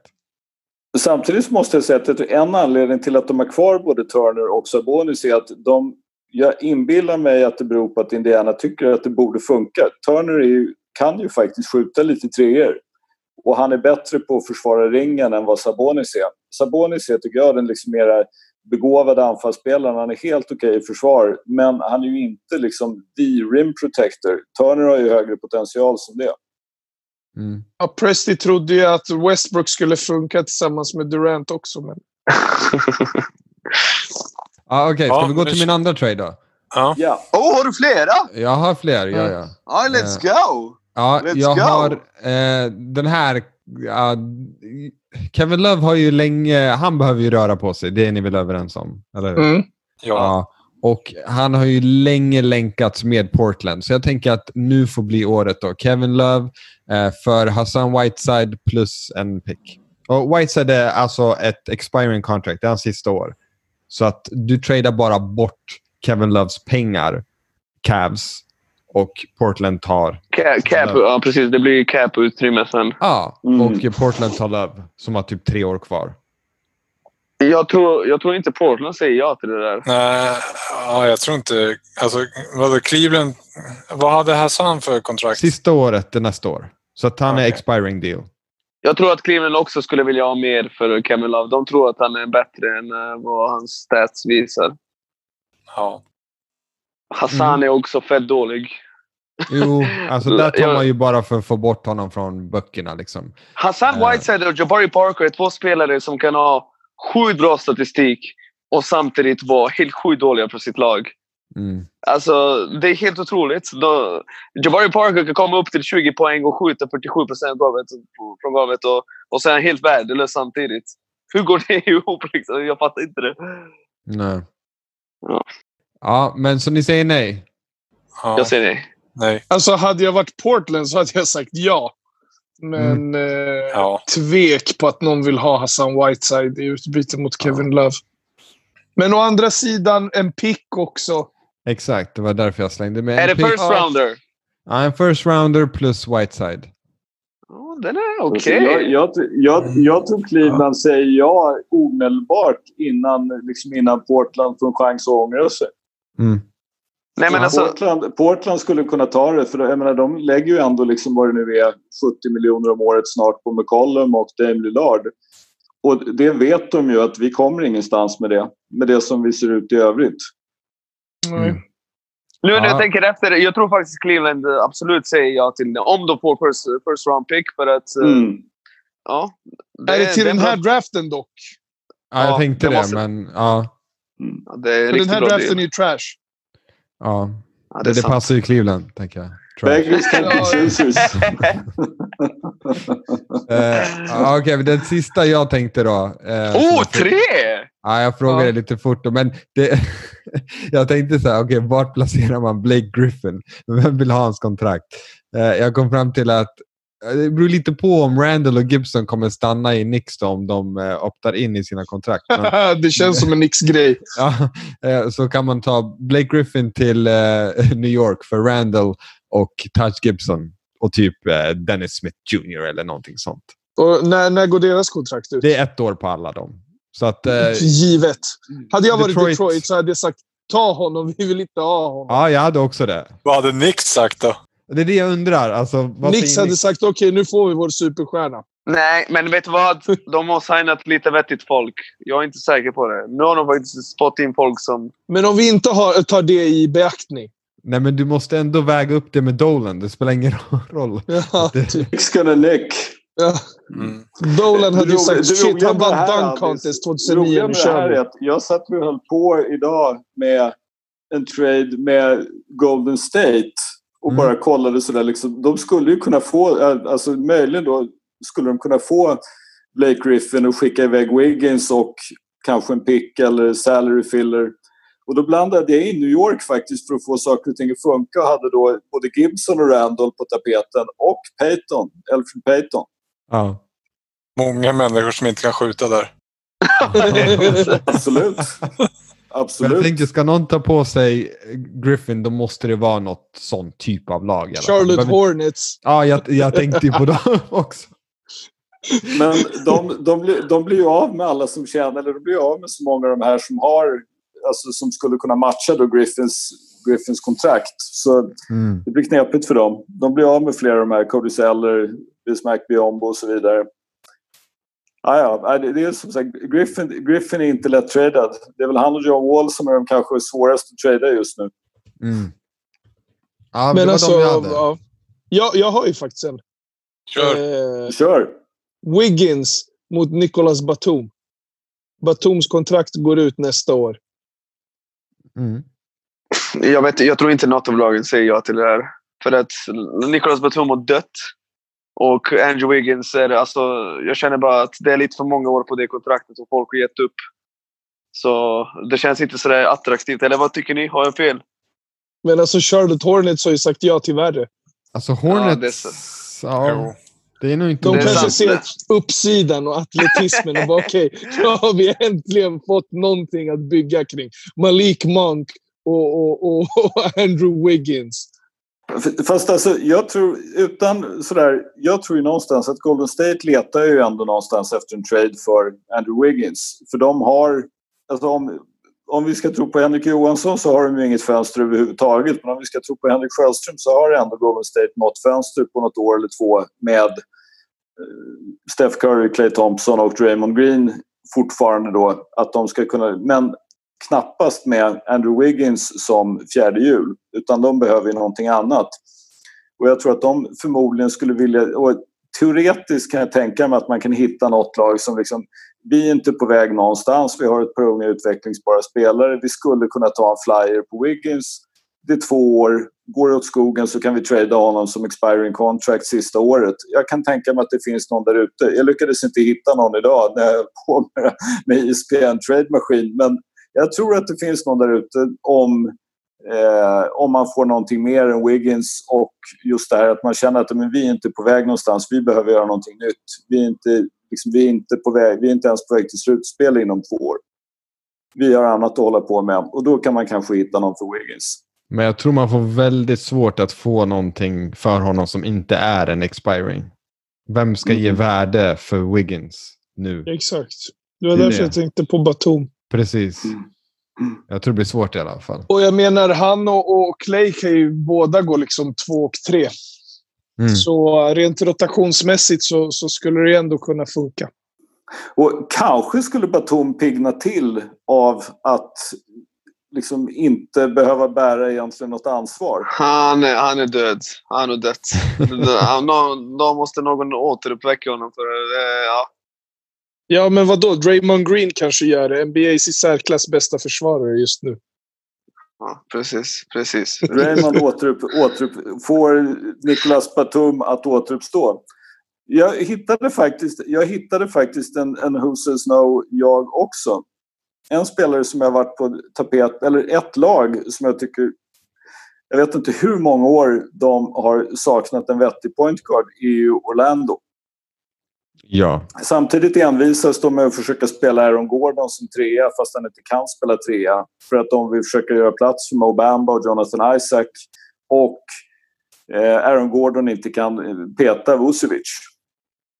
Så då tänkte jag, vem har två guards som är tillräckligt bra och liksom tjänar tillräckligt med pengar? Och kom faktiskt fram till, varför inte Brooklyn Nets? Kyrie Irving? Nej, alltså Spencer Dinwiddie plus vad det nu kan tänkas krävas. Det finns lite olika varianter beroende på hur de gör med lite olika kontrakt och vad som räknas och vad som inte räknas. Men Spencer Dinwiddie plus då lite filler mot Aaron Gordon. Who says no?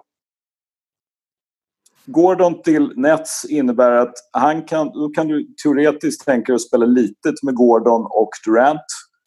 Du kan ha Gordon som fyra när Durant vilar och spela honom då med Jarrett Allen som femma. Och jag tror att Gordons absolut mest produktiva position är som någon slags stretchfyra som också är en ganska hygglig passare, men han funkar inte som trea. Jag gillar ju inte Aaron Gordon särskilt mycket. Och han är väldigt bollberoende. Det är i och för sig Spencer Dinwiddie också, men alltså Gordon, han känns som en snubbe som skulle kunna bara slasha och inte behöva ha bollen i händerna mycket, men han, han håller i bollen väldigt, väldigt mycket. Han mm. är ju en, en, en, en mot en spelare, precis som KD och Kyrie. Så, hmm, intressant tanke. Ja, men, och han, är, han kan ju faktiskt skjuta bollen lite grann från tre. Och om, om du kan få honom att köpa att eh, du, kommer att kunna, du kommer att få tillfälle att göra poäng men kanske inte riktigt som du är van vid. Han blir ändå ja. liksom på något sätt ett tredje eller fjärde hjul som kan göra 15-20 poäng och ändå kommer att få röra bollen en del. Men inte riktigt på samma sätt som han får göra nu. Och då oberoende av att jag sagt att inte Brooklyn tar någon titel, så om man är Aaron Gordon så behöver man inte tro på mig. Men jag tror det, det knepiga där är bara att, som du säger, ska man gå äh, litet med Durant och Gordon, då blir det ju att man sitter både DeAndre Jordan och Jared Allen. Och ähm, det är ju inte optimalt i alla fall att ha äh, de spelarna båda två äh, på bänken ur ett lagbygge eh, lagbyggeperspektivet. Liksom. Absolut ja. inte. Som sagt, det var ingen smart idé att ge 40 miljoner till DeAndre Jordan när Nej, man har exakt. Jarrett Allen. Nej. Ja. Kan jag ta nästa? Yes.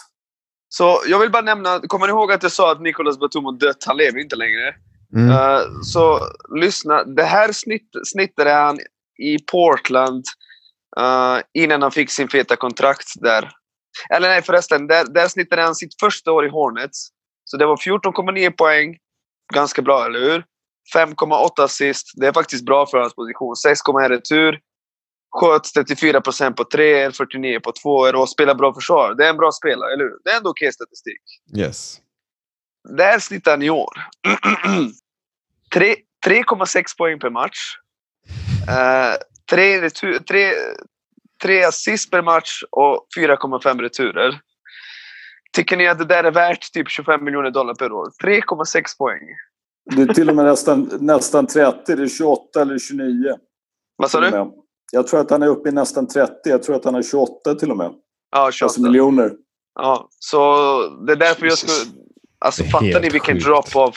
3,6 poäng, 3 assist, 4,5 returer.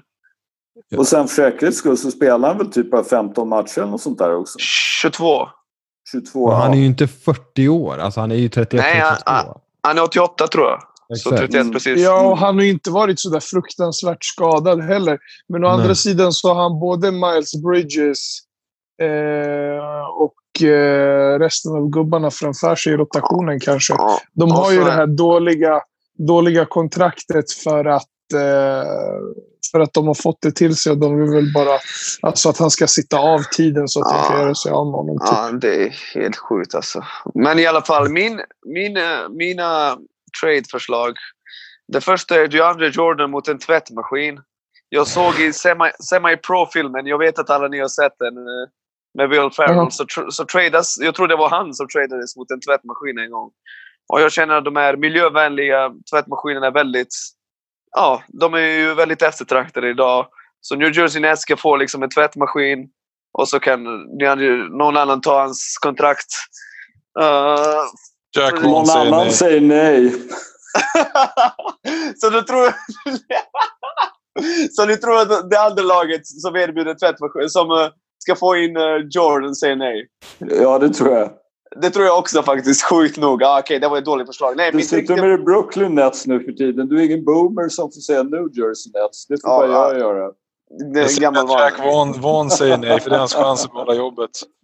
Ah, nej, nej. Men- den, Apropå den det traden- Nick, vänta jag måste bara avbryta. Apropå tradas mot en tvättmaskin. Ni, vet ni om historien om att eh, Kyle Korver blev eh, tradad Ja, för en kopiator. Ja, kopiator? ja, ja. Kopiator eller fax, vad var det för något? Ja, kopiator. det är helt sjukt. Ja, men, eh, ja, men eh, ja, så ni ser att han är inte värd en tvättmaskin och jag håller faktiskt med. Jag ändrar mig. Jag tar den traden som skulle ha blivit av. Jag förstår fortfarande inte varför den inte blev av. Kyle Kuzma för Bo- Bogdan Bogdanovic. Mm. Vi som har följt Bogdan vet hur äckligt bra han är när han får stå helt öppen och skjuta. Och det är det du får göra när du spelar med LeBron James och Anthony Davis. Det är många som får öppna skott, som KCP, som Bradley, som eh, liksom eh, Kyle Kuzma. Man får ju sina öppna skott. Och jag känner att den spelare, han är, han är som... Bogdan Bogdanovic är gjord i en maskin för att vara typ en fjärde snubbe i ett lag med LeBron. Så känner jag. Liksom bara stå där och bara papp, papp, papp, papp, mata tre Men, poäng. så, och, och det är precis därför Vlade Divac säger nej. Nej, men, men lyssna. Lyssna, så här är det. Han gav ju Harrison Barnes och Buddy Hield 3 miljarder dollar. Exakt. Liksom. Så vad förlorade Kings på att få ett år av hans rookie scale-kontrakt, Kuzmas kontrakt? De, de skulle ju bara vunnit på det. Det var ju win-win Så De vill, situation. ju, de vill ju dumpa Hield nu. Alltså de, de, de har ju tagit honom från bänken till och med. Alltså de, jag fattar inte Ja, vad det de är gjorde, helt- men de vill ju... en tvättmaskin för honom också. Typ. Jag, jag, jag, jag, jag Kan känner du få en att... tvättmaskin för Kuzma? Jo, det kan Ja, Han har ändå, Faktum, faktum är att Hill blev ju mer produktiv när han kom från bänken. Ja. men, men, men Kuzma, alltså, han är ju i alla fall... Det är många som fortfarande tror att han kan bli en okej spelare. Sen finns det fans på Instagram som tror att han är superstjärna, men han är... Vi som tittar på basket vet att han, han är average.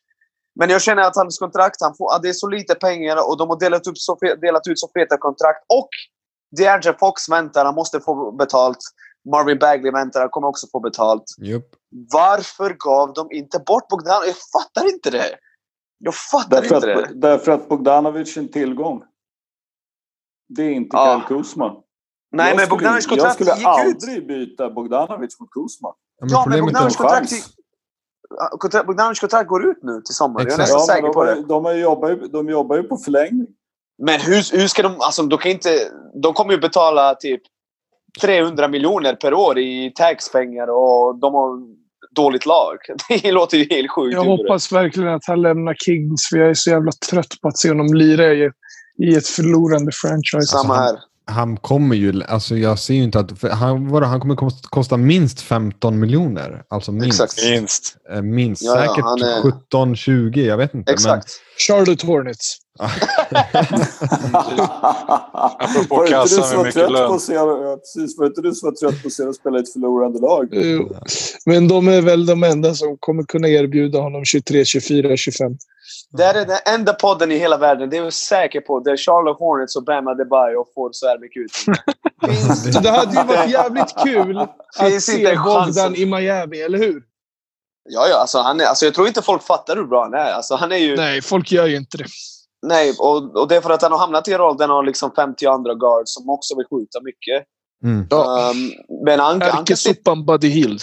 Han, nej, men han är, han är ganska bra faktiskt, tycker jag. Men uh, Gillar inte- jag tycker att Bogdanovic lätt kan snitta 18 poäng per match i ett bra lag. Det är ju jag Ja, säker ja. på. Absolut. Ja, Mm. ska jag gå vidare? Johansson. Jag, jag har två Bradley Beal-trades som jag vill kolla. Kör. Bradley Beal plus Filler mot Gary Harris, Will Barton och Michael Porter Jr. Den har jag läst om någonstans, tror jag. Jag känner igen den. En gång Den till. fin. En gång Säg till. den en gång till. ja. Bradley Beal plus en filler då. Jag har tagit Ish Mitt bara för att... Eh, Ja. Eh, mot Gary Harris, Will Barton och Michael Porter Jr. Denver säger Alltså, nej. Denver... Alltså, nej. Nej, nej. Denver tar nej. Washington Denver säger nej. nej. Jag säger Denver Washington säger säger nej. nej. Jag är Så vänta, Denver, nej. Denver, Denver behöver inte ge upp Murray. Nej. Ja, jag tror de säger ja. De säger nog ja. Det tror jag Då faktiskt. får de Murray, Beal och så får de... Eh, ett det, Jokic. Jag tror. Denver säger ja Ja. och eh, Washington säger nej. Ja, Jag tror också Washington säger nej. Kanske. Men, Denver är eh, en bra trade. Om vi säger så här, Denver- om Denver slänger in Denver har ju en redan pick gjort- då. Denver har, Denver har ju redan gett upp sitt djup. De har ju tradat bort folk. Ja. Barton har varit helt fantastisk i år. Gary Harris kom tillbaka lite grann efter att ha varit helt bedrövlig i anfall. Och så då är, är Porter Junior, vet ju att Denvers front office är liksom så sugna på att få se om han kan bli så bra som de tror. De tycker att de fick en stil där med, med det tror jag honom också. som var det nu var 14 eller 15 picken. Jag tror inte att, alltså de, jag tror att de har inte någon lust att ge upp tre spelare för, för bil. Jag tror faktiskt inte det. Ja. Bra trade. Eh. Men, men, men helt, klart värt, helt klart värt att fundera på. Bil är så pass bra så det är absolut, absolut intressant. Frågan är bara, behöver du både Murray och bil? Ja. Nej, den känns ju Men, lite... men, men, nej, men Murray är ju point guard. Alltså, eller point guard. Mm. Du vet ju att Jokic distribuerar bollen. Men jag känner ändå att de två skulle gå para ihop. Och, Det skulle Det röra sig inte- fruktansvärt bra utan boll runt Jokic. ja, Mm. exakt. Mm. Så, Ja, så så det jag tror inte det skulle vara något, ett problem för de två att hitta ett sätt att fungera. Fan vad Ja. läskigt det hade varit Mm. om det hade funkat. Nästa, nästa jag tar då är Bradley Beal. Då är det en one-on-one straight up trade. Okej. Bradley Oh. Beal mot... Vänta! By- är det Simmons? Nej. Joel Embiid. Ja, jag visste, jag visste det skulle vara den! De har exakt samma lön typ. Det skiljer 400 000. Så det är rakt en mot en. Ja. Så. Alltså jag tror att eh, Philadelphia får slänga till något. Jag tror Ja, Philly säg- säger nej. Säg om? Philly... Säg om Philly säger nej. Hela Men det jag tycker är om... fel. Ja, alltså Embiid är ju bättre, typ, men jag vet inte, de har ju Ja. Horford. Alltså, Ja, men det är det, jag- det är det, jag alltså jag tror, Phil- för Philly skulle det där vara en bra trade. Rakt av. Men jag är inte säker på att Philly tror det. Tänk om du får se, tänk om du får se Philly då med Beal, Simmons, Richardson, Harris och Horford. Oh. Den Nej, är jag tror- giftig. Mycket, är giftig. alltså, ja. Men kan, du dra, kan du dra startfemman igen? Alltså det blir ju Simmons, Beal, Richardson, Harris och Horford. Uff. Men säg, säg Washington. Säg Ja, men Washington. Washington ja, får ju ändå, de får ju Wall och Embiid. Alltså det, det är inte så det vara svårt att ställa in Snark. Embiid i Washington. Ja, exakt. De, de kommer inte spela Snark. en enda match tillsammans. De Nej. kommer inte spela en Det match. kommer bara Alltså bli massa... Embiid och Bertans, herregud. Alltså, Wall och Embiid, det, det, är som, det är som bäddat för att de ska tjafsa med Ja, de måste lägga 20 miljoner på läkare då också. Ja, ja, ja. Ja, ja, ja. ja, ja. Alltså den var... Jag är fortfarande osäker. Jag vet inte. Ja. Jag, jag, jag säger så här, om jag var Elton Brand skulle jag säga ja rakt av. Alltså general manager för Philadelphia, då skulle jag säga ja rakt av. Men jag är lite osäker på om jag gör det. Jag tror fortfarande att man betraktar Joel Embiid som... Jag tror att man skulle vara mer beredd att trada Ben Simmons än Joel Embiid. Jag är tvärtom. ja, men det där är för en speciell spelare. Alltså Bradley Beal är bra. Ja. Ja, Han är jättebra. ja. Men en, en fråga bra på till er då. Vem, vem är liksom objektivt, vem har mest värde i ett vakuum liksom? Eh, Men det är en bra- Embiid eller det- Beal? Jag har Jag inte tror, svar på jag den tror att det är frågan. Jag Embiid. vet Jag tror inte. att det är Embiid. Jag tror att det är Embiid fortfarande. Ja, det är det. Ja, för E- Embiid, Embiid som center är ju högre upp på rankingen än vad Bradley Beal är Mm. som shooting guard. Får jag välja? Får jag välja att ta Beal eller Embiid idag så tar jag Bradley Beal lätt. Lätt. Och det- handlar inte om att han är bättre basketspel utan alltså Embiids psyke och hans knän. Jag, alltså, jag vet ju inte vad jag får. Det är det som är grejen. Nej, jag är helt med dig. Jag är helt med dig. Men jag tror att om man ber folk ranka topp 10 i, i NBA så tror jag Ja. att Embiid kommer vara närmare Ja, såklart. Jo, såklart, såklart. än Beal. Jo, men det är så. Jag gillar inte Embiid. Jag gillar Bam Adebayo.